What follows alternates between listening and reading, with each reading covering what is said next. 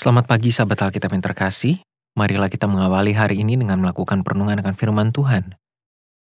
Bacaan Alkitab kita pada hari ini berasal dari kitab Ulangan pasal 5 ayat 28 sampai 33.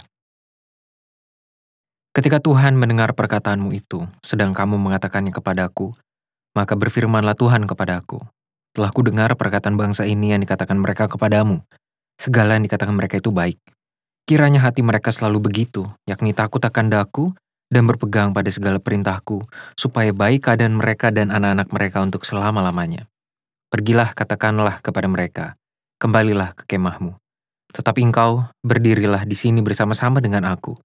Maka aku hendak mengatakan kepadamu segenap perintah, yakni ketetapan dan peraturan yang harus kau ajarkan kepada mereka, supaya mereka melakukannya di negeri yang kuberikan kepada mereka untuk dimiliki maka lakukanlah semuanya itu dengan setia, seperti yang diperintahkan kepadamu oleh Tuhan Allahmu.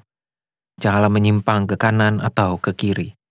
Segenap jalan yang diperintahkan kepadamu oleh Tuhan Allahmu, haruslah kamu jalani, supaya kamu hidup dan baik keadaanmu serta lanjut umurmu di negeri yang akan kamu duduki. Sahabat Alkitab, Anda mungkin pernah mendengar slogan, sehat itu mahal. Di balik kalimat tersebut terdapat banyak pertimbangan berdasarkan kenyataan yang ditimbulkan akibat kesehatan yang menurun.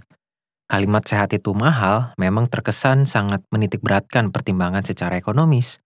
Misalnya, biaya pembelian obat, pembayaran rumah sakit, hingga biaya kebutuhan pemulihan pasca sembuh. Seseorang yang sedang sakit pun biasanya akan memiliki kesadaran atas pentingnya menjaga kesehatan, namun, seiring dengan pemulihan kondisi tubuhnya, ia pun cenderung melupakan pentingnya menjaga kesehatan. Melupakan atau menganggap remeh kesehatan hanyalah salah satu contoh dari sekian banyak bentuk disorientasi dan ketidakmampuan seorang manusia dalam mempertahankan fokus serta komitmennya. Bentuk lain dari persoalan ini pun dapat mewujud dalam lingkup hidup keimanan, yakni ketika seseorang tidak mampu menjaga komitmen imannya kepada Tuhan Terkadang, atau mungkin lebih sering, seorang manusia begitu sungguh-sungguh beriman dan berserah ketika ia merasa begitu membutuhkan Tuhan, misalnya di tengah kondisi hidup yang begitu sulit. Namun beda halnya ketika kesulitan itu sudah berlalu, secara berangsur ketekunan iman dan sikap berserahnya pun justru menurun. Catatan yang kita baca pada hari ini juga berbicara mengenai pentingnya menjaga komitmen. Pernyataan Tuhan yang terekam di dalam ayat-ayat ini telah menjadi sebuah peringatan sekaligus pengingat bagi bangsa Israel dan juga umat Tuhan di segala zaman bahwa kita perlu menjaga hati agar selalu setia kepadanya.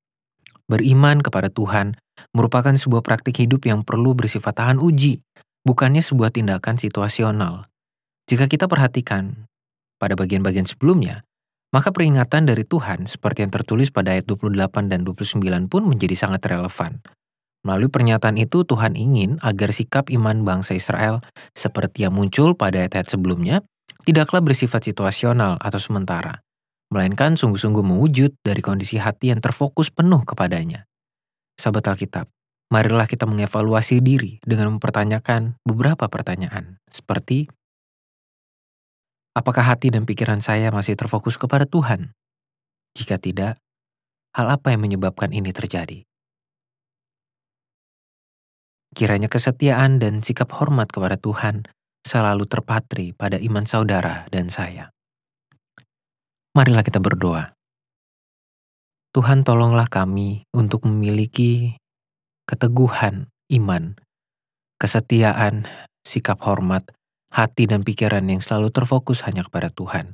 Di segala situasi dan kondisi kehidupan kami, susah atau senang, kiranya kami mampu untuk tetap hidup setia beriman kepadamu. Di dalam nama Tuhan Yesus kami berdoa. Amin.